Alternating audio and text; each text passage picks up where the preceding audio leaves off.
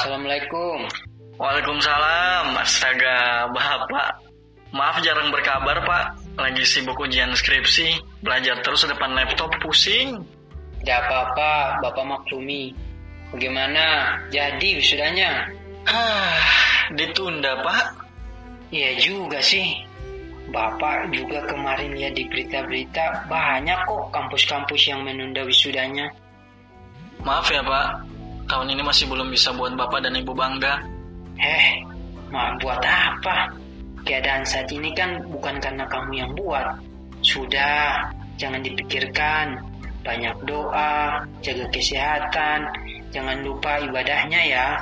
Bapak dan Ibu juga jaga diri baik-baik ya di sana. Ya udah, kalau ada apa-apa kabarin Bapak dan Ibu ya. Assalamualaikum. Waalaikumsalam, Pak.